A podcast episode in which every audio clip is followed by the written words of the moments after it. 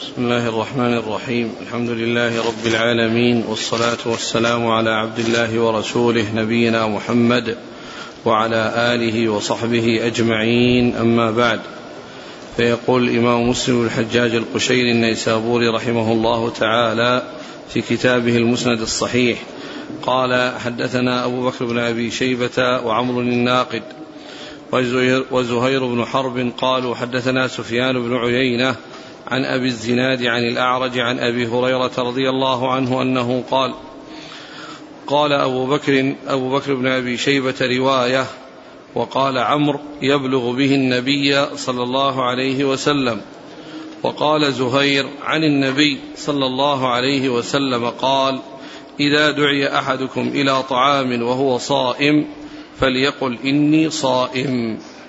بسم الله الرحمن الرحيم الحمد لله رب العالمين وصلى الله وسلم وبارك على عبده ورسوله نبينا محمد وعلى آله وأصحابه أجمعين.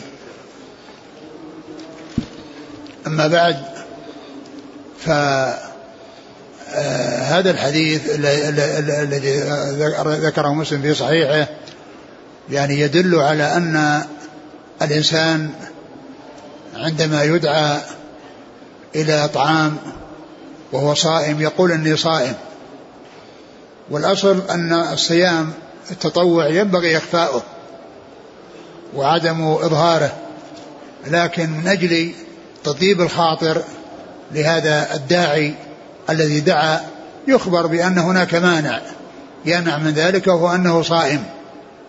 ف يعني يعني قدمت مصلحة يعني آه، آه، آه، إدخال السرور عليه ويعني بيان العذر الذي يمنعه من الإجابة على كونه يخفي الصيام لأن في ذلك مصلحة وهي تطيب خاطره وإدخال السرور عليه وأنه ليس هناك مانع يمنع إلا الصيام لأنه لو امتنع من ذلك يعني وكان الاعتذار مطلق قد يكون يعني يقع يقع في ذهن آه، الداعي أن هناك أسباب يعني أخرى يعني تمنع أو جعلت هذا لا يجيب لكنه إذا نبه وبين أنه صائم يكون في ذلك تطيب لخاطره ودفعا للأشياء التي قد تعلق في خاطره أنه لا يجيب دعوته أو أن في نفسه عليه شيء. ولهذا جاء في هذا الحديث عن رسول الله صلى الله عليه وسلم أن الإنسان إذا دعي إلى طعام وكان صائما يعني فليقل إني صائم. وقد ذكر الإسناد عن ثلاثة من شيوخه ولكنهم اختلفوا في النهاية في العبارة التي يعني تضاف إلى الصحابي. فإن أحدهم قال رواية يعني بدل قال قال رسول الله أو سمعت رسول الله قال رواية يعني يرويه عن النبي صلى الله عليه وسلم. والثاني قال يبلغ به النبي صلى الله عليه وسلم. والثالث قال عن النبي صلى الله عليه وسلم. والثالث قال عن النبي صلى الله عليه وسلم. يعني ف فالثالث قال عن النبي صلى الله عليه وسلم وأضافه إلى النبي صلى الله عليه وسلم بهذه العبارة. وأما أحدهما فإنه قال يبلغ به والثاني قال رواية يعني أنه يرويه. وقد سبق أن مر أن أنه إذا جاء في الرواية يبلغ به. أو ينميه أو رواية فإن يعني قد يكون السبب في ذلك أن الراوي ما تحقق الصيغة التي سمعها والتي جاءت من الصحابي وهي أن يقول سمعت رسول الله صلى الله عليه وسلم يقول كذا أو قال قال رسول الله صلى الله عليه وسلم كذا أو عن رسول الله صلى الله عليه وسلم قال كذا. يعني هذا هذه من الأسباب التي تجعل آه، المحدث أو الراوي يعبر بهذه العبارة فيقول رواية أو يبلغ به النبي صلى الله عليه وسلم. فإذا هؤلاء ثلاثة من شيوخه كلهم رووا الإسناد حتى إذا انتهى. قال أحدهم في آخره رواية وقال الثاني يبلغ به والثالث قال عن النبي صلى الله عليه وسلم. نعم. قال حدثنا أبو بكر وهذا يدل على الدقة دقة المحدثين. وعنايتهم بالألفاظ ومحافظتهم على الألفاظ يعني ألفاظ الرواة وأنهم يأتون بها يعني على على هيئتها ولا يأتون يعني بشيء آه، يضيفونه إلى الراوي وهو لم يأتي به. نعم. قال حدثنا أبو بكر بن أبي شيبة عمرو الناقد وزهير بن حرب عن سفيان بن عيينة عن أبي الزناد. وهو عبد الله بن ذكوان عن الأعرج. وعبد الرحمن بن هرمز. قال رحمه الله تعالى حدثني زهير بن حرب قال حدثنا سفيان بن عيينة عن أبي الزناد عن الأعرج عن أبي هريرة رضي الله عنه. رواية. قال إذا أصبح أحدكم يوما صائما فلا يرفث ولا يجهل فإن امرؤ شاتمه أو قاتله فليقل إني صائم إني صائم. ثم ذكر هذا الحديث في حفظ اللسان وأن الإنسان إذا صام يحفظ لسانه. وحفظ اللسان مطلوب من كل في من كل مسلم في كل وقت وفي كل حين. لكنه يزداد الأمر فيما, فيما إذا كان في عبادة كالصيام. فيما إذا كان في عبادة كالصيام. وإلا فإن كون الإنسان لا يحصل منه الرفث الذي هو الفحش من القول ويعني والسب والشتم يعني هذا مطلوب منه في كل وقت. ولكنه في حال الصيام يتأكد ذلك. ولكنه في حال الصيام يتأكد ذلك في حقه. قال لفظ الحديث إذا أصبح أحدكم يوما صائما فلا يرفث ولا يجهل. فإن امرؤ شاتمه أو قاتله فليقل إني صائم إني صائم. فلا يرفث يعني لا يحصل منه الرفث الذي هو الفحش من القول لأنه يطلق الرفث على هذا المعنى. وهذا هو الذي يعني آآ آآ هذا معناه بالنسبة لهذا الحديث. وأن والرفث أحيانا يأتي ويراد به الجماع ويراد به الفاحش من القول. الفاحش من القول. يعني يراد به هذا وهذا لكن في هذا الموضع الذي هو في الحديث يعني لا يرفث يعني لا يحصل منه وحش في الكلام. يعني يحفظ لسانه عن الكلام البذيء والكلام الفاحش الكلام الذي لا ينبغي. ولا يجهل يعني لا يجهل على غيره لا يجهل على غيره بالقول أو الفعل. لأن الجهل يعني كونه يأتي بأشياء لا تليق بأن يعامل غيره معاملة غير طيبة. لا من ناحية الأقوال ولا من ناحية الأفعال. هذا هو المقصود بالجهل. يعني يأتي بأعمال هي من أعمال أهل الجهل. أهل أهل الجهل وأهل يعني عدم الانضباط وعدم الاتزان وحفظ اللسان وحفظ الجوارح. يعني هذا هذا هو الجهل. قد جاء في الحديث خروجنا من المنزل. يعني في وفيه هذا اللهم إني أعوذ بك أن أضل أو أضل أو أزل أو أزل. أو أظلم أو أظلم أو أجهل أو يجهل عليه. أو أجهل يعني عن أحد أو يجهل علي أحد. يعني بأن أعامل أحدا معاملة أهل الجهالة أو يعاملني أحد هذه هذه المعاملة. ويقول الشاعر ألا لا يجهل أحد علينا؟ فنجهل فوق جهل الجاهلين. ألا لا يجهل أحد علينا؟ فنجهل فوق جهل الجاهلين. يعني أنهم يقابلون ذلك الجهل بجهل أسوأ منه يعني يفوقه ويتعداه. فإن فإن امرؤ شاتمه نعم. أو, أو قاتله. فإن امرؤ شاتمه يعني حصل منه استفزاز له بأن تكلم عليه بكلام بذيء. ويعني قال شاتمه لأن هذا يعني يؤدي إلى المشاتمة. وإن لم تحصل المشاتمة لكن شاتمه يعني لأن المشاتمة في الغالب من الجانبين وقد تكون من جانب واحد لكنها سبب في حصول المشاتمة من الثاني.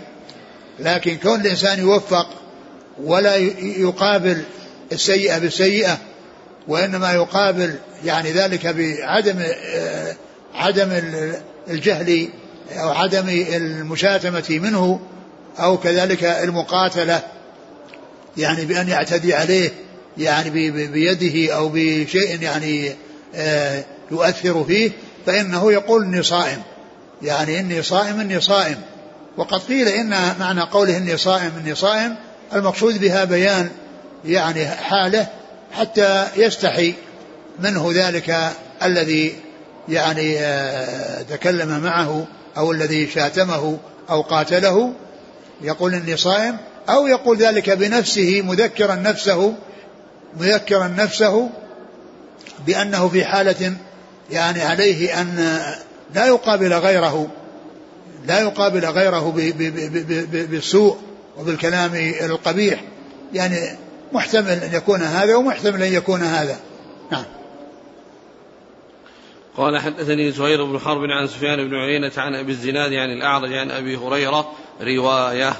رواية هذا مثل ما تقدم هناك الرواية السابقة قال رواية ويبلغ به وعن النبي صلى الله عليه وسلم. يعني أن أن الراوي يعني ما ضبط الصيغة التي حصلت من أبي هريرة عند إضافة الحديث إلى رسول الله صلى الله عليه وسلم. قال رحمه الله تعالى وحدثني حرملة بن يحيى التجيبي قال أخبرنا ابن وهب قال أخبرني يونس عن ابن شهاب قال أخبرني سعيد بن المسيب أنه سمع أبا هريرة رضي الله عنه أنه قال سمعت رسول الله صلى الله عليه وسلم يقول قال الله عز وجل كل عمل ابن آدم له إلا الصيام هو لي وأنا أجزي به فوالذي نفس محمد بيده لخلفه لخلفه لخلفة لخلفة فم الصائم أطيب عند الله من ريح المسك قال حدثنا عبد الله بن مسلمة بن قعنب وقتيبة بن سعيد قال حدثنا المغيرة وهو الحزامي عن أبي الزناد عن الأعرج عن أبي هريرة رضي الله عنه قال قال رسول الله صلى الله عليه وسلم الصيام جنة. قال وحدثني محمد بن رافع قال حدثنا عبد الرزاق قال أخبرنا ابن جريج قال أخبرني عطاء عن أبي صالح الزيات أنه سمع أبا هريرة رضي الله عنه يقول قال رسول الله صلى الله عليه وسلم قال الله عز وجل كل عمل ابن آدم له إلا الصيام فإنه لي وأنا أجزي به والصيام جنة فإذا كان يوم صوم أحدكم فلا يرفث يومئذ ولا يصخب فإن سابه أحد أو قاتله فليقل إني امرؤ صائم والذي نفس محمد بيده لخلوف فم الصائم أطيب عند الله يوم القيامة من ريح المسك وللصائم فرحتان يفرحهما إذا أفطر فرح بفطره وإذا لقي ربه فرح بصومه. قال وحدثنا أبو بكر بن أبي شيبة قال حدثنا أبو معاوية ووكيع عن الأعمش.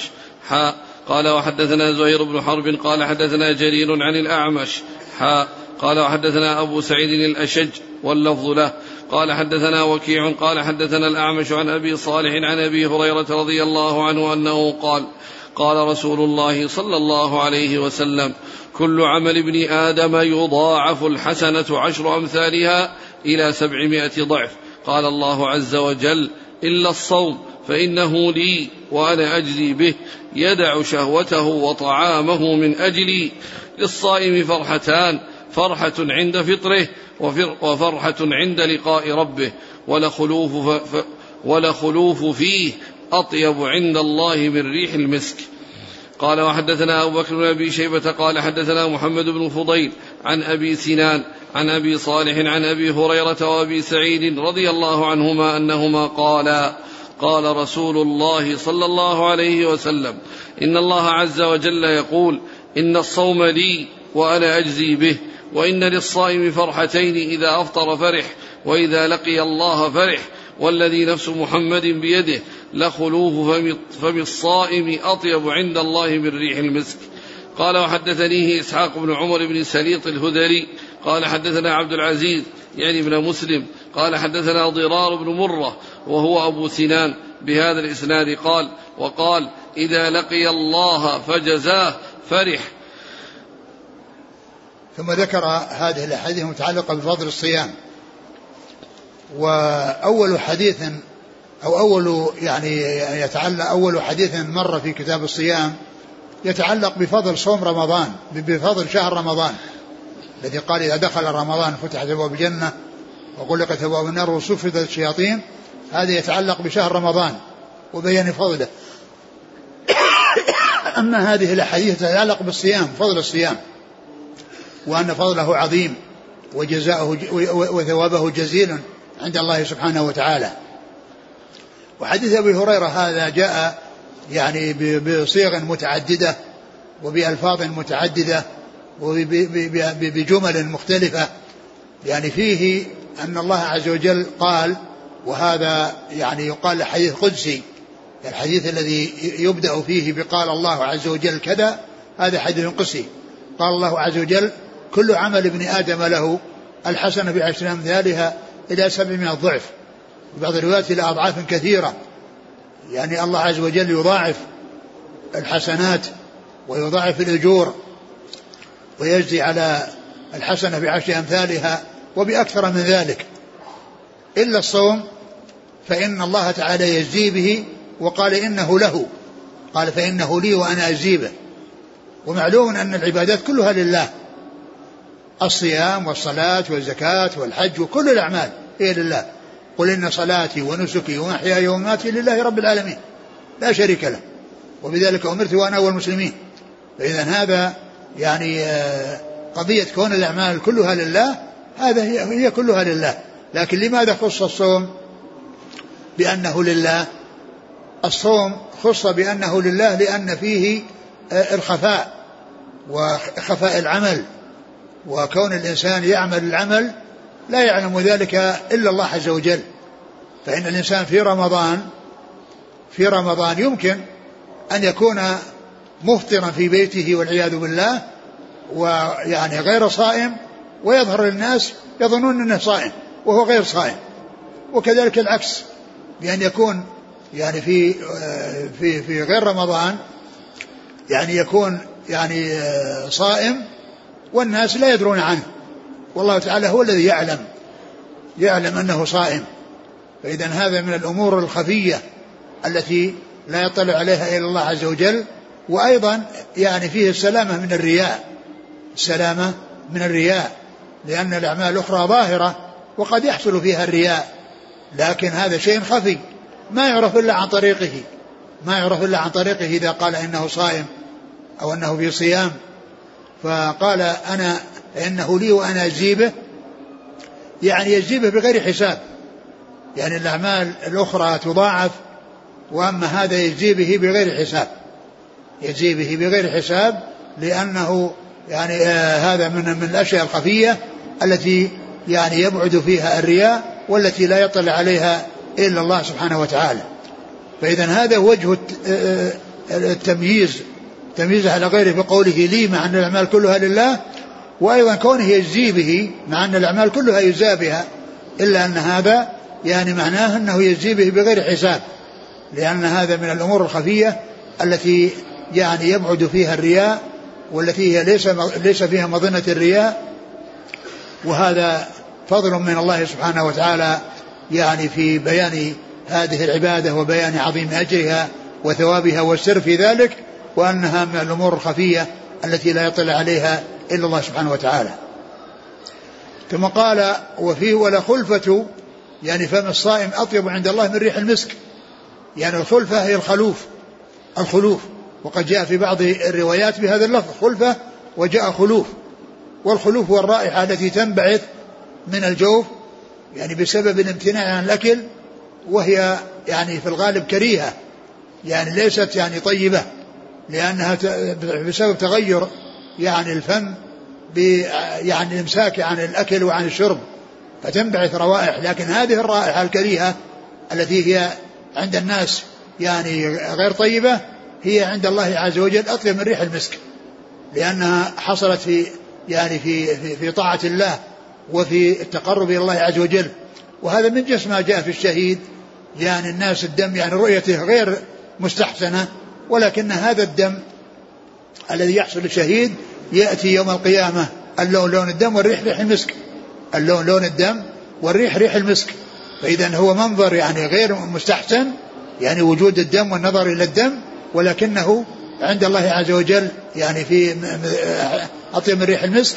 وهذه الذي يحصل في الجوف أو يحصل في الفم من الانبعاث الروائح التي تكون في بسبب الامتناع عن الأكل. بسبب الامتناع عن الأكل يعني آه وإن كانت كريهة فإن شأنها عظيم عند الله عز وجل لأنها حصلت بسبب طاعة الله عز وجل والاشتغال في عبادته والتقرب إليه عز وجل بهذه العبادة التي هي عبادة آه التي هي عبادة الصيام. ثم إن يعني بعض أهل العلم استدل بهذه الجملة على أن الإنسان في آخر النهار يعني لا ينبغي له أن يستاك لأن هذا يذهب الخلوف يذهب هذه الرائحة الطيبة المحمودة الممدوحة. وبعض أهل العلم قال إنه يستاك إنه يستاك. وقد جاء ما يدل على ذلك وهو أن الرسول عليه الصلاة والسلام قال آه قال عليه الصلاة والسلام آه لولا أن أشق على أمتي لأمرتهم بالسواك عند كل صلاة. لولا أن أشق على أمتي لأمرتهم بالسواك عند كل صلاة. فإن قوله لأمرتهم بالسواك عند كل صلاة ومن الصلوات الخمس العصر التي تكون بعد الزوال يعني ويكون الحكم هذا للصائمين وغير الصائمين يدل على مشروعية الاستياك. يدل على مشروعية الاستياك في آخر النهار لأنه داخل تحت تحت قوله آآ لا أمرتهم بالسواك عند كل صلاة لأنها واحدة من الصلوات التي تدخل تحت هذا الأمر وتحت هذا التوجيه من رسول الله صلى الله عليه وسلم. فالقول بأن الإنسان يستاك هذا هو الذي دل عليه الدليل.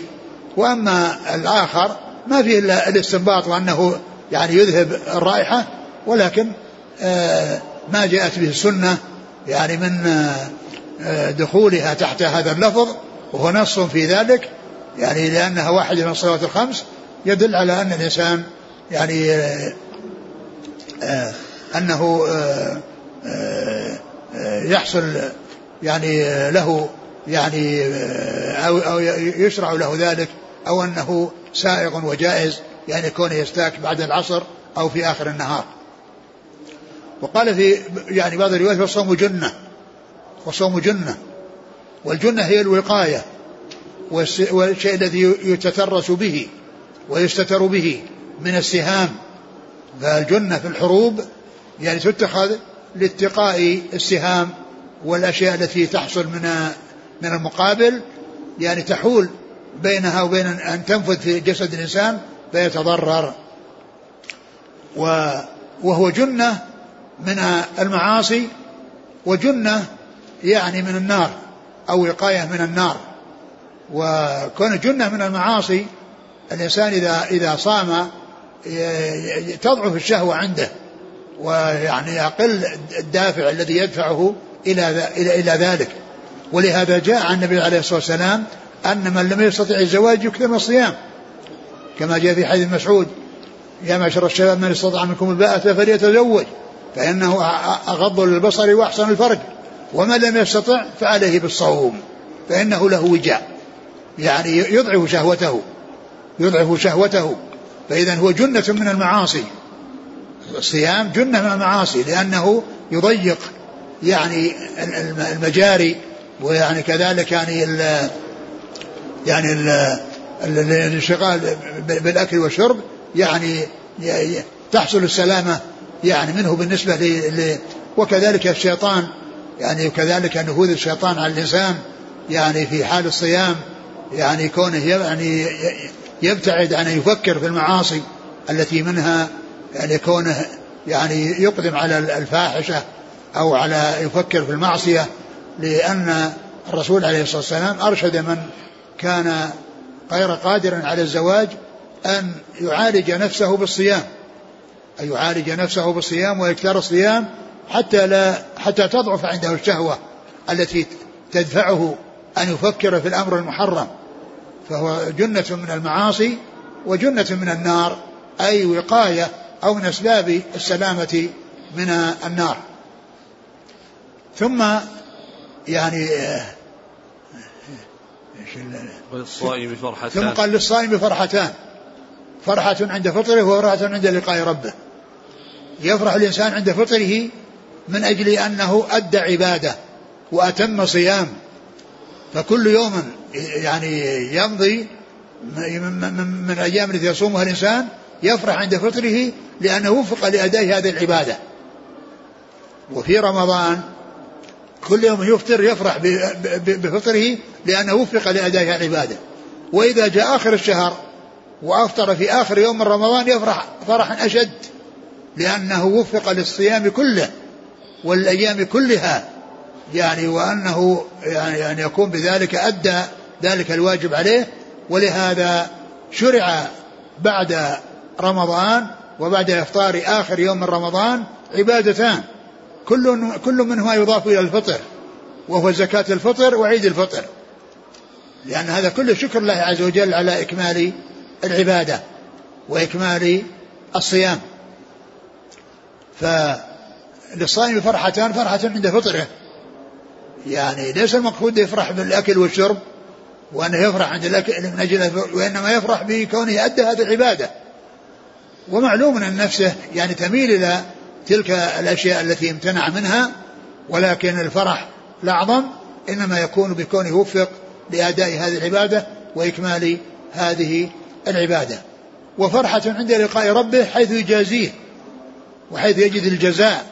عند الله عز وجل يفرح لأنه وجد الجزاء ووجد الثواب على ذلك ويفرح عند فطره لكونه أدى ما هذه العبادة ووفق لأداء هذه العبادة ويفرح عند لقاء ربه إذا جازاه ولهذا جاء في آخر الحديث في بعض الروايات إذا لقي ربه فجازاه على عمله أو جزاه على صيامه؟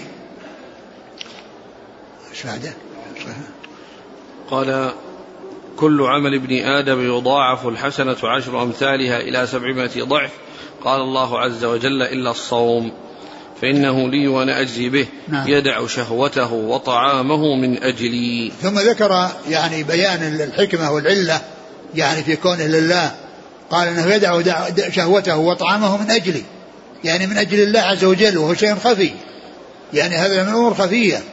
لأن العبادات كلها لله عز وجل ومنها ما هو ظاهر بارز ومنها ما هو خفي. لكن هذا الذي يعني خفي ترك شهوته وطعامه من أجل الله عز وجل. ف فلهذا يثيبه الله عز وجل ويعني يهجره على هذه العبادة. لأن من أسباب أسباب آه، ذلك أنه تركها من أجل الله. قال حدثني حرملة بن يحيى التجيبي عن ابن وهب. عبد الله بن وهب. عن يونس عن ابن شهاب. يونس بن يزيد الأيلي وابن شهاب محمد بن مسلم بن عبد الله بن شهاب الزهري. عن سعيد بن المسيب عن أبي هريرة. قال نعم. حدثنا عبد الله بن مسلمة بن قعنب وقتيبة بن سعيد عن المغيرة وهو الحزامي. عن أبي الزناد عن الأعرج عن أبي هريرة. نعم. قال وحدثني محمد بن رافع عن عبد الرزاق عن ابن جريج. عبد الملك بن عبد العزيز بن جريج. عن عطاء عن أبي صالح الزيات. عن عطاء بن أبي رباح عن أبي صالح الزيات. نعم وأبو صالح ذكوان السمان ويقال له الزيات. يقال له الزيات ويقال له السمان لأنه كان يبيع الزيت ويبيع السمن فهي نسبة إلى حرفة وعمل. نعم. قال وحدثنا أبو بكر بن شيبة عن أبي معاوية. محمد بن خازم الضرير الكوفي. ووكيع ابن الجراح الرؤاسي. عن الأعمش. سليمان مهران الكاهلي. ها قال وحدثنا زهير بن حرب عن جرير. بن عبد الحميد الضبي الكوفي. قال حا وحدثنا أبو سعيد الأشج. هو عبد الله بن سعيد الأشج. قال حدثنا أبو بكر بن أبي شيبة عن محمد بن فضيل عن أبي سنان. هو كما في الرواية ضرار بن مرة. نعم. عن أبي صالح عن أبي هريرة وأبي سعيد. قال حدثنيه إسحاق بن عمر ابن سليط الهذلي عن عبد العزيز يعني ابن مسلم نعم. عن ضرار بن مرة وهو ابن سينان وهو أبو سنان. نعم. قال حدثنا أبو بكر بن أبي شيبة قال حدثنا خالد بن مخلد وهو القطواني عن سليمان بن بلال قال حدثني أبو حازم عن سهل بن سعد رضي الله عنهما أنه قال قال رسول الله صلى الله عليه وسلم إن في الجنة بابا يقال له الريان يدخل منه الصائمون يوم القيامة لا يدخل معهم أحد غيرهم. يقال أين الصائمون؟ فيدخلون منه فإذا دخل آخرهم أغلق فلم يدخل منه أحد. ثم ذكر هذا الحديث المتعلق بفضل الصيام وأن في الجنة بابا يقال له الريان. لا يدخل منه إلا الصائمون. فإذا دخلوا يعني آه دخل آخرهم أغلق. يعني لأنه خاص بهم. وقد سبق أن مر الحديث أن من أنفق زوجين في سبيل الله قيل له يا عبد الله هذا خير. فيعني فيدعى فإن كان من أهل الصلاة دعي من باب الصلاة. وإن كان من أهل الصدقة دعي من باب الصدقة. وإن كان من أهل الجهاد دعي من باب الجهاد. وإن كان من أهل الصيام دعي من باب الريان. دعي من باب الريان. والأسماء يعني هي مطابقة أسماء الأبواب مطابقة للأعمال.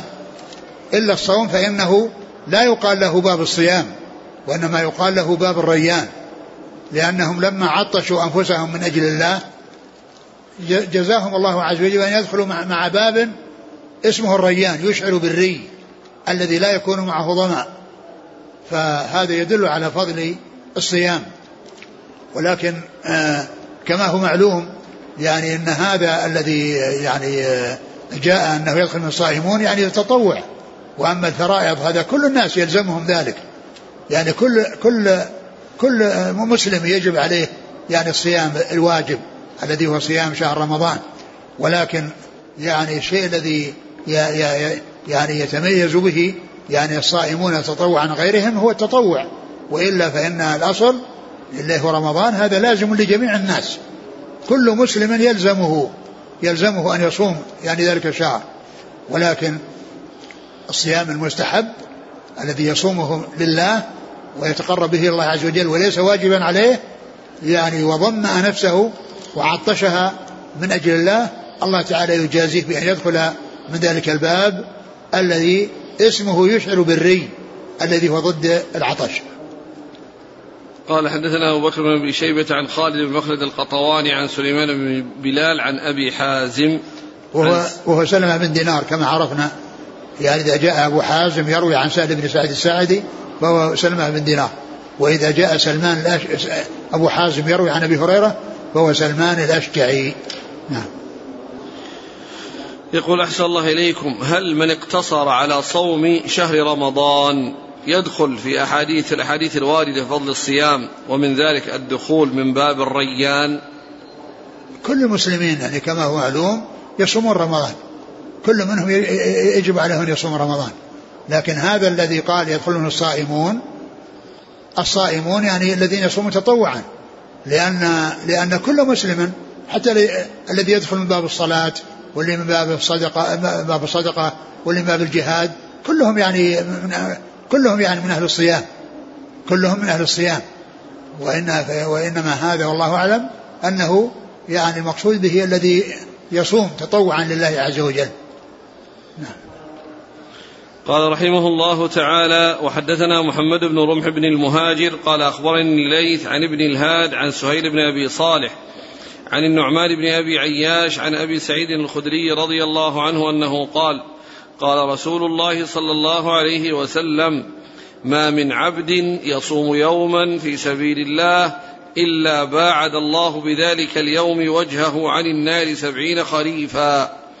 قال وحدثناه قتيبة بن سعيد قال حدثنا عبد العزيز يعني الدراوردي عن سهيل بهذا الإسناد قال وحدثني إسحاق بن منصور وعبد الرحمن بن بشر العبدي قال حدثنا عبد الرزاق قال أخبرنا ابن جريج عن يحيى بن سعيد وسهيل بن أبي صالح أنهما سمع النعمان بن أبي عياش الزرقي يحدث عن أبي سعيد الخدري رضي الله عنه أنه قال سمعت رسول الله صلى الله عليه وسلم يقول من صام يوما في سبيل الله باعد الله وجهه عن النار سبعين خريفا ثم ذكر هذا الحديث المتعلق بالصيام في الجهاد في سبيل الله. المقصود في سبيل الله يعني في الجهاد في سبيل الله. لأن هذا هو المقصود في سبيل الله. لأن سبيل الله له معنيان. معنى عام كل أعمال الخير في سبيل الله. كل عمل من أعمال الخير هو في سبيل الله. ويطلق إطلاقا خاصا وهو الجهاد في سبيل الله. وهو الجهاد في سبيل الله. والحديث يتعلق في الجهاد في سبيل الله.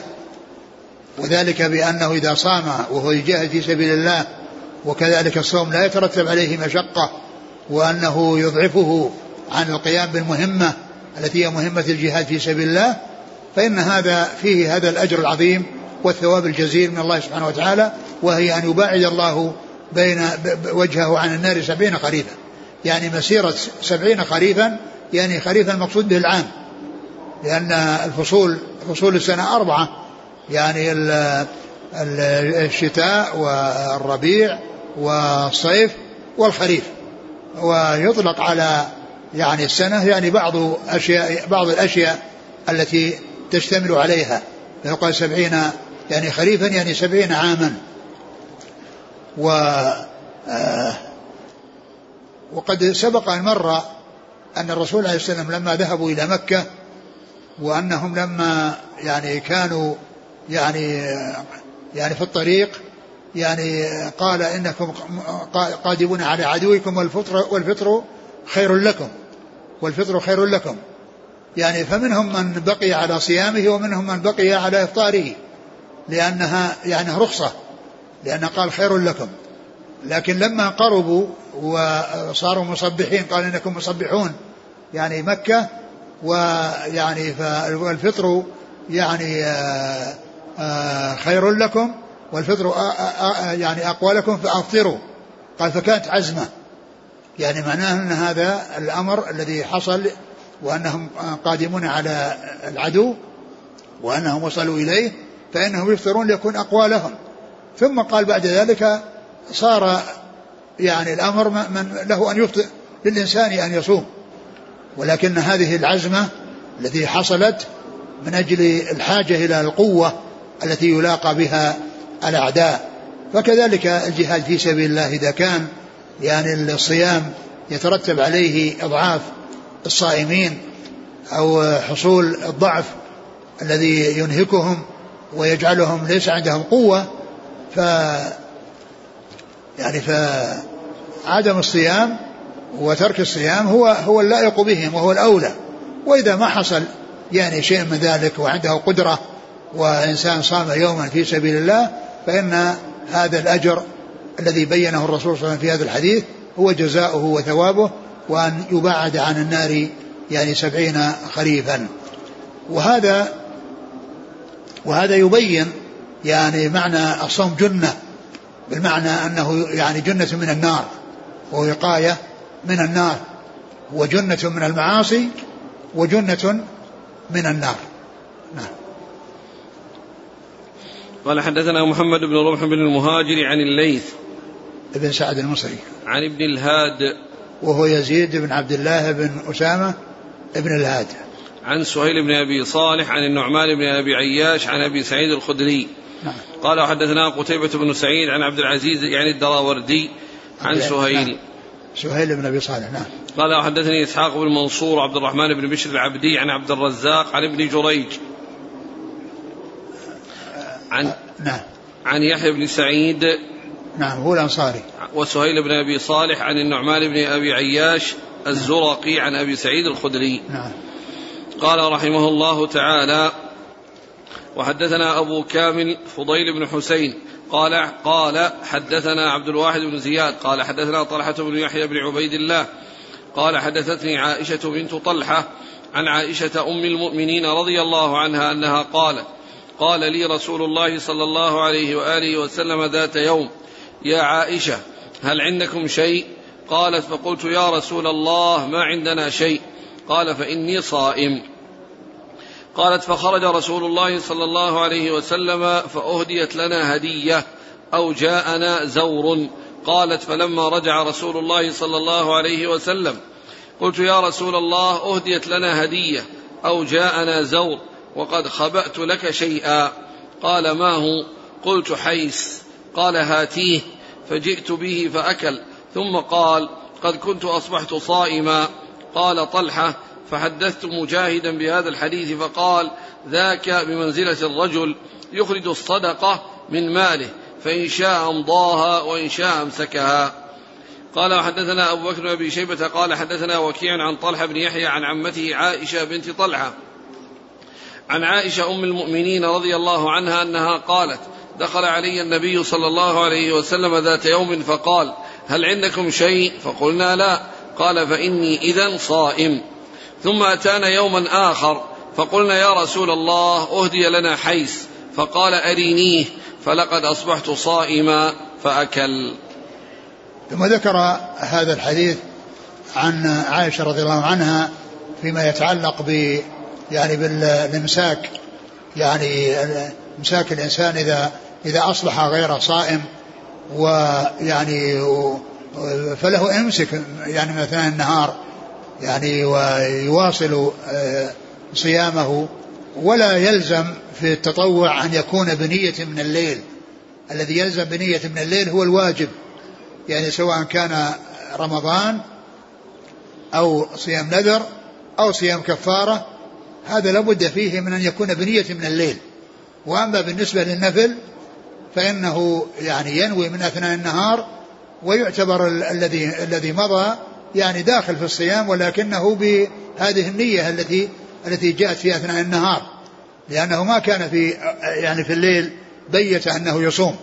ولكن الصيام حصل له وطرأ عليه في أثناء النهار عندما سأل ولم يكن عنده يعني طعام يأكله فاستمر على ما هو عليه واعتبر نفسه صائما وقال إنه صائم يعني فيكون هذه النية ترجع إلى الماضي وتكون للمستقبل تنعطف على الماضي وتكون يعني للمستقبل.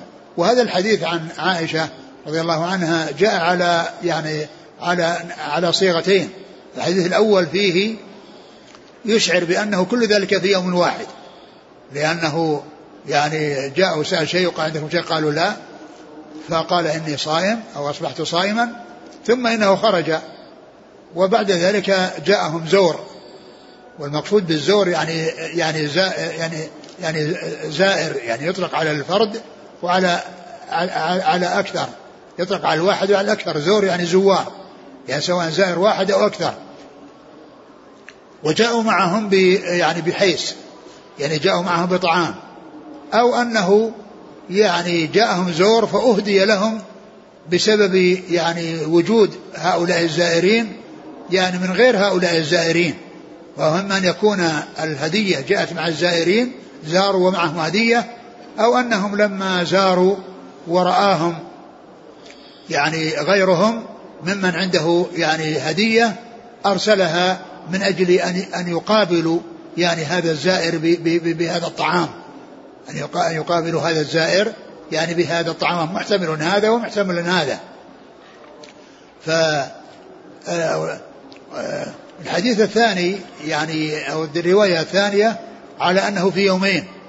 لأنه في الأول قال إني إني صائم وفي اليوم الثاني يعني آآ آه، آآ سألهم وقالوا إنهم يعني جاءهم يعني قال أرني فيعني فأكل فأكل فدل هذا على أن الإنسان له أن يصبح يعني آه، يصبح صائما يعني غير آكل ويواصل الصيام وأنه يمكن أن يعني يصبح يعني صائما غير آكل في فيأكل عندما يجد الشيء الذي يأكله.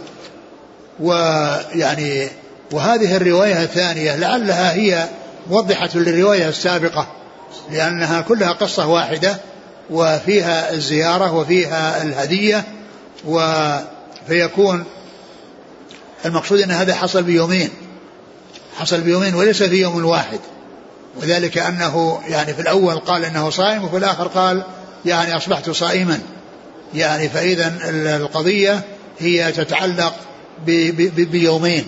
وليس بيوم واحد لأن في الأول أخبر عن أنه صائما وفي الآخر ما في حاجة لأن يقول قد أصبحت صائما لأنه قال لهم ذلك من قبل. قال لهم ذلك من قبل. إذا القضية هي في يومين. يعني يوم ما عندهم شيء واستمر صائما ويوما يعني عندهم شيء وأكل عليه الصلاة والسلام وقال إني كنت أصبحت صائما وأكل. والحيس هو الطعام المكون من التمر والسمن والأقط هذه الأمور الثلاثة إذا جمع بينها وخلطت يقال له يقال له حيس أعد أعد الحديث حديثين عن أم المؤمنين رضي الله عنها قالت قال لي رسول الله صلى الله عليه وسلم ذات يوم يا عائشة هل عندكم شيء؟ قالت فقلت يا رسول الله ما عندنا شيء. قال وهذا. وهذا يدل على ما كانت يعني فيه عليه بيوت الرسول صلى الله عليه وسلم من التقلل ومن عدم وجود الأشياء والطعام يعني عندهم. ومن المعلوم أن السبب في ذلك كرم الرسول صلى الله عليه وسلم وجوده وأنه إذا كان عنده شيء فإنه يذهب بالإنفاق والصدقة. وقد كان عليه الصلاة والسلام يدخر لأهل بيته يعني طعام السنة من من من, من الفيء. يعني طعام سنة ولكنه ينفد بسرعة لكثرة بذله وإعطائه عليه الصلاة والسلام. فهو يدل يعني هذا على أنه جاء وسأل عندكم شيء؟ قالوا ما عندنا شيء. يدل على ما كان يعني عليه آه، آه، بيوت الرسول صلى الله عليه وسلم من قلة ذات اليد وتوفر الأشياء الأطعمة التي يعني آه، يحتاج إليها في كل وقت. فيأتي أيام وليس عندهم شيء. نعم. قال فإني صائم. قالت فخرج رسول الله صلى الله عليه وسلم فأهديت لنا هدية أو جاءنا زور. قالت فلما رجع رسول الله صلى يعني الله عليه وسلم يعني أهديت لنا هدية أو جاءنا زور. يعني جاءهم زوار. وهذا الزوار قد جاءوا قد يكون جاءوا بالهدية. أو أن الهدية جاءت من أجل الزوار. لما رأى يعني بعض الصحابة الزوار جاءوا للنبي صلى الله عليه وسلم وقد يكون ما عنده شيء يقدموا لهم أهدوا هدية ليقدموها للزوار أو ليستفيد الزوار منها. نعم.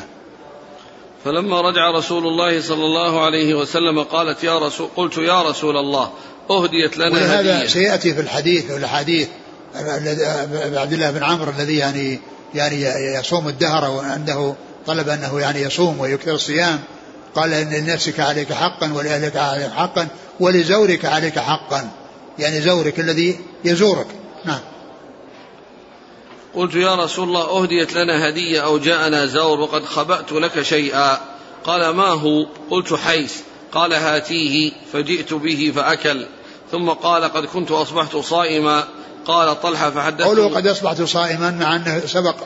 يعني قبل يعني ذكر أني صائم يعني يفيد بأن القضية هنا في يومين وليست في يوم واحد وأن الرواية الثانية هي الموضحة المبينة لأنهم يعني قد عرفوا أن أصبح صائم بقوله إني صائم في الأول. لو كان لو كان المقصود انه في يوم واحد ما في حاجة إلى أن يقول يعني المقالة الثانية لكن هذه قالها في يوم وهذه قالها في يوم. نعم.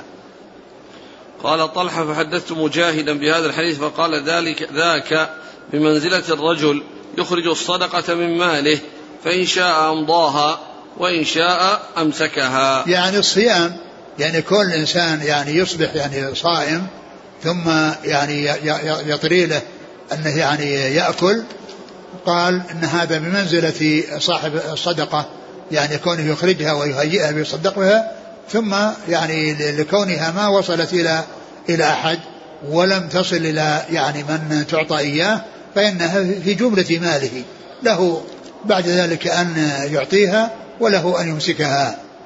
نعم. قال عن أم المؤمنين عائشة قالت دخل علي النبي صلى الله عليه وسلم ذات يوم فقال هل عندكم شيء؟ فقلنا لا. قال فإني إذا صائم.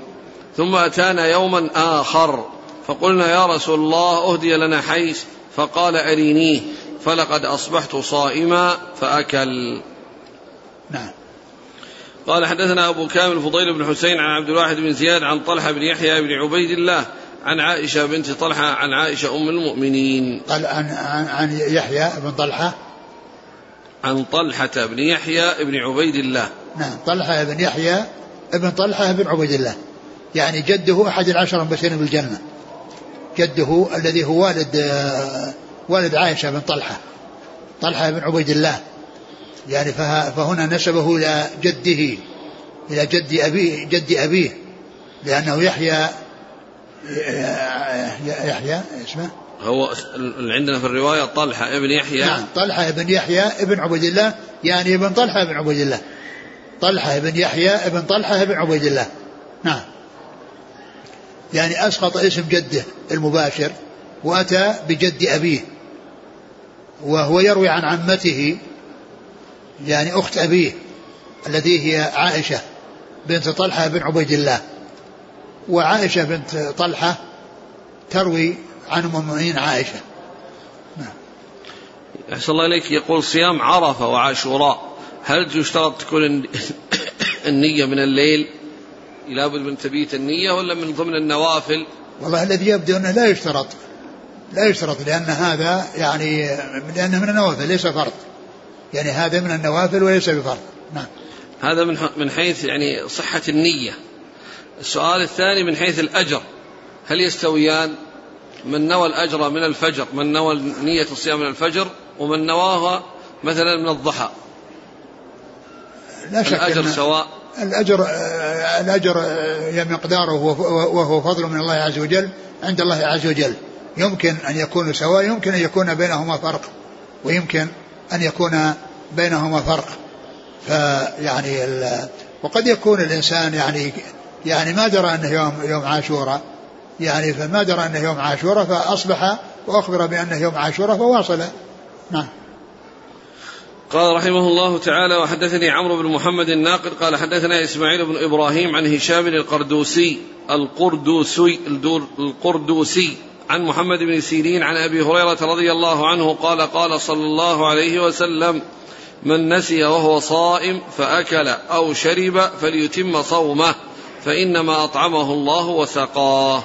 ثم ذكر هذا الحديث المتعلق بالأكل والشرب ناسيا وأن من حصل له ذلك فإنه لا يفسد صيامه ولا يحتاج إلى أن يقضي مكانه وإنما عليه أن يتم صومه. وأن يواصل صومه وقد أطعمه الله وسقاه يعني هذا الشيء الذي حصل من غير إرادة. هذا الذي حصل من غير إرادة منه وبنسيان منه هذا حصل له من الله عز وجل فلا يكون ذلك الأكل والشرب ناسيا مفسدا لصيامه وإنما هو باق على صيامه. وهذا هو الذي يقتضيه لفظ الحديث. وبعض أهل العلم قال يعني بخلاف ذلك وأن عليه وأن عليه أن يقضي. لكن قوله عليه السلام فليتم صومه فإنما أطعمه الله وسقاه. يعني ولم يقل أن عليه أن يقضي. يعني فدل ذلك على أن هذا الأكل والشرب الذي حصل نسيانا لا يؤثر عليه ولا يفسد صيامه ولا يحتاج إلى قضاء وإنما هو شيء حصل له من الله عز وجل بأن أطعمه وسقاه بهذا النسيان الذي حصل منه بدون إرادة منه وبدون مشيئة. بعض أهل العلم قال إن الجماع مثله لأنه إذا جامع ناسيا يتم صومه وليس عليه شيء. وبعض أهل العلم يقول أن بينهما فرق لأن الأكل والشرب خاص بالإنسان ويكون من طرف من طرف واحد. يعني والجماع لا يكون من طرفين الجماع يكون من طرفين فإذا نسي أحدهما يذكر الآخر إذا نسي أحدهما يذكره الآخر بخلاف الأكل والشرب فإنه يعني يرى الماء فيشرب أو يرى الأكل يعني فيأكل فيكون بذلك حصل يعني منه نسيانا ويعني وليس هناك من يذكره. أما بالنسبة للجماع فإنه يكون من طرفين فيحصل يعني إذا نسي أحدهما يذكر الآخر. وبعض أهل العلم قال إنه يقاس عليه يقاس على الأكل والشرب وبعضهم قال إنه لا يقاس عليه لأن بينهما يعني فرق. قال حدثنا حدثني عمرو بن محمد الناقد عن إسماعيل بن إبراهيم هو ابن علية. عن هشام القردوسي. هذا هشام بن حسان. هو هشام بن حسان. يعني مشهور بهشام بن حسان ولكنه هنا ذكر بهذه النسبة الغير الغير الواضحة. لكنه هو هشام بن حسان القردوسي. نعم. عن محمد بن سيرين عن أبي هريرة. نعم. قال رحمه الله تعالى حدثنا يحيى بن يحيى قال أخبرنا يزيد بن زريع عن سعيد الجريري عن عبد الله بن شقيق قال قلت لعائشة رضي الله عنها هل كان النبي صلى الله عليه وسلم يصوم شهرا معلوما سوى رمضان؟ قالت والله إن صام شهرا معلوما سوى رمضان حتى مضى لوجهه ولا أفطره حتى يصيب منه. قال وحدثنا عبيد الله بن معاذ قال حدثنا أبي قال حدثنا كهمس عن عبد الله بن شقيق قال قلت لعائشة رضي الله عنها أكان رسول الله صلى الله عليه وسلم يصوم شهرا كله؟ قالت ما علمته صام شهرا كله إلا رمضان ولا أفطره كله حتى يصوم منه حتى مضى لسبيله صلى الله عليه وسلم. ثم ذكر يعني هذا الحديث المتعلق بتطوع عليه الصلاة والسلام. وأنه يتطوع في الشهر ويكثر من الصيام في الشهر حتى يقولون ما يعني ما يترك من شيء. يعني سيكمله صياما. فيفطر. وقد تخبر عائشة أم المؤمنين رضي الله عنها وأرضاها عن الرسول صلى الله عليه وسلم لما سئلت هل كان يصوم شهرا كاملا؟ يعني يتطوع به. يعني غير رمضان. فأخبرت بأنه يصوم من الشهر حتى يقول يعني حتى أنه يكثر من الصيام حتى يقول خلاص ما يفطر. يعني سيستمر للآخر فيحصل منه الإفطار. ويحصل منه العكس. أنه يعني يأتي شهر ويعني يكون غير صائم حتى يقول يكمله غير صائم ثم يصوم. ولكنه ما كان يترك شيئا من الشهور بدون صيام. لكنه قد يكثر وقد يقلل. وهذا هو معنى قوله أنها أنه حتى حتى يعني يقولون يعني يعني إنه كمله صائما أو إنه آه، بدأه مفطر واستمر مفطرا حتى يقول إنه يكمله غير غير صائم فهو يعني يعني يكثر من الصيام في بعض الشهور أحيانا ويقلل من الصيام في بعض الشهور وما استكمل شهرا كاملا بأن صامه إلا شهر رمضان. هذا هو معنى قول عائشة رضي الله عنها يعني أنه كان يعني يصوم حتى يقول لا يفطر ويفطر حتى يقول لا يصوم يعني من الشهر. نعم. قال حدثنا يحيى بن يحيى عن يزيد بن زريع عن سعيد الجريري. سعيد بن ياس الجريري. قال حدثنا عبيد الله بن معاذ عن أبيه عن كهمس. كهمس بن الحسن. قال وحدثني أبو الربيع الزهراني قال حدثنا حماد عن أيوب وهشام عن محمد عن عبد الله بن شقيق. قال حماد وأظن أيوب قد سمعه من عبد الله بن شقيق. قال سألت عائشة رضي الله عنها عن صوم النبي صلى الله عليه وسلم فقالت كان يصوم حتى نقول قد صام قد صام ويفطر حتى نقول قد أفطر قد أفطر. قالت وما رأيته صام شهرا كاملا منذ قدم المدينة إلا أن يكون رمضان. نعم اللي بعده. قال وحدثنا قتيبة قال حدثنا حماد عن أيوب عن عبد الله بن شقيق قال سألت عائشة رضي الله عنها بمثله ولم يذكر في الإسناد هشاما ولا محمدا.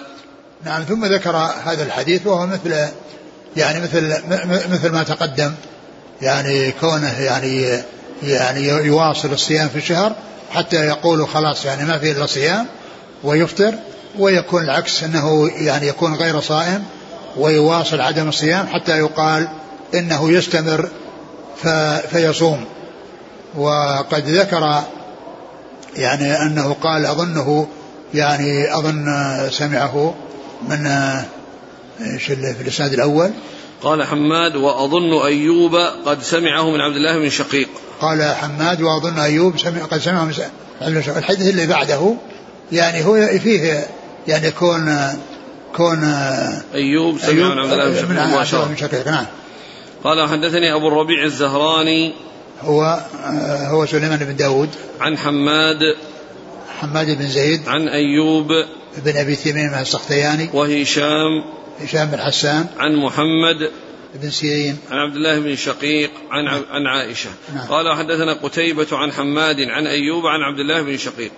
نعم. قال حدثنا يحيى بن يحيى قال قرأت على مالك عن أبي النضر مولى عمر بن عبيد الله عن أبي سلمة بن عبد الرحمن عن عائشة أم المؤمنين رضي الله عنها أنها قالت كان رسول الله صلى الله عليه وسلم يصوم حتى نقول لا يفطر ويفطر حتى نقول لا يصوم وما رأيت رسول الله صلى الله عليه وسلم استكمل صيام شهر قط إلا رمضان وما رأيته في شهر أكثر منه صياما في شعبان ثم ذكر هذا الحديث الذي يعني مثل الذي قبله إلا أن فيه كونه يكثر في شعبان.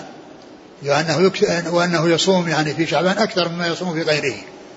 أنه يصوم في شعبان أكثر مما يصوم في غيره. نعم. قال حدثنا يحيى بن يحيى عن مالك عن أبي النضر. أبو النضر هو سالم بن أبي أمية. عن عبد أبي سلمة بن عبد الرحمن عن عائشة.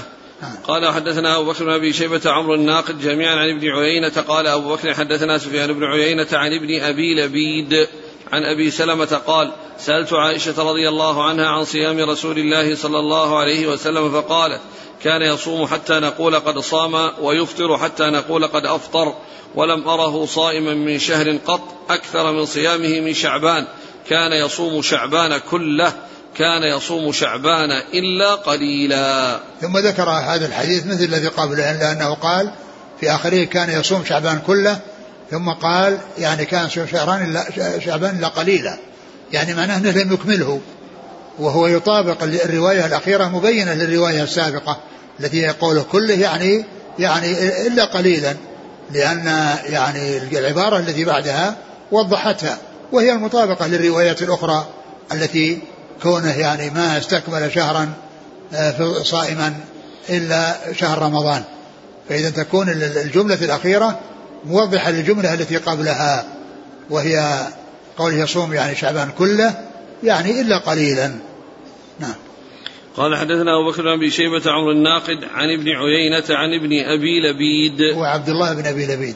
قال حدثنا إسحاق بن إبراهيم قال أخبرنا معاذ بن هشام قال حدثني أبي عن يحيى بن أبي كثير قال حدثنا أبو سلمة عن عائشة رضي الله عنها قالت لم يكن رسول الله صلى الله عليه وسلم في الشهر من السنة أكثر صياما منه في شعبان وكان يقول خذوا من الأعمال ما تطيقون فإن الله لن يمل حتى تملوا وكان يقول أحب, أحب العمل إلى الله ما داوم عليه صاحبه وإن قل. وهذا الحديث مثل الذي قبله وفيه زيادة أن أن يعني أن الناس يعني يأتون من الأعمال ما يطيقون.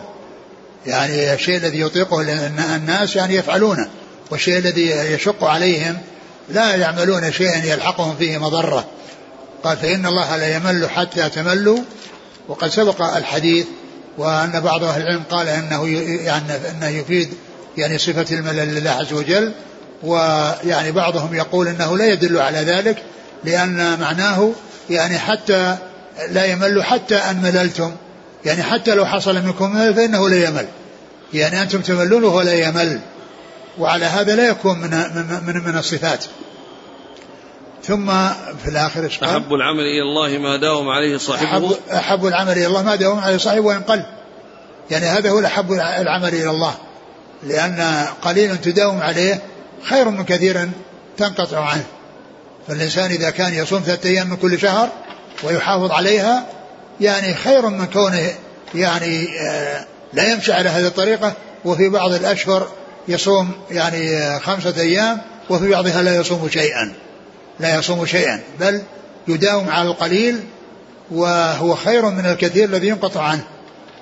قليل تداوم عليه مثل ما قال بعض السلف قال إن قوما يجتهدون في رمضان فإذا ظهر رمضان تركوا. قال بئس القوم لا يعرفون الله إلا في رمضان. قال حدثنا إسحاق بن إبراهيم عن معاذ بن هشام عن أبيه هشام الدستوائي عن يحيى بن أبي كثير عن أبي سلمة عن عائشة. نعم. قال حدثنا أبو الربيع الزهراني قال حدثنا أبو عوان عن أبي بشر عن سعيد بن جبير عن ابن عباس رضي الله عنهما قال ما صام رسول الله صلى الله عليه وسلم شهرا كاملا قط غير رمضان وكان يصوم إذا صام حتى يقول القائل لا والله لا يفطر ويفطر إذا أفطر حتى يقول القائل لا والله لا يصوم وهذا عن ابن عباس مثل حديث عائشة رضي الله عنها.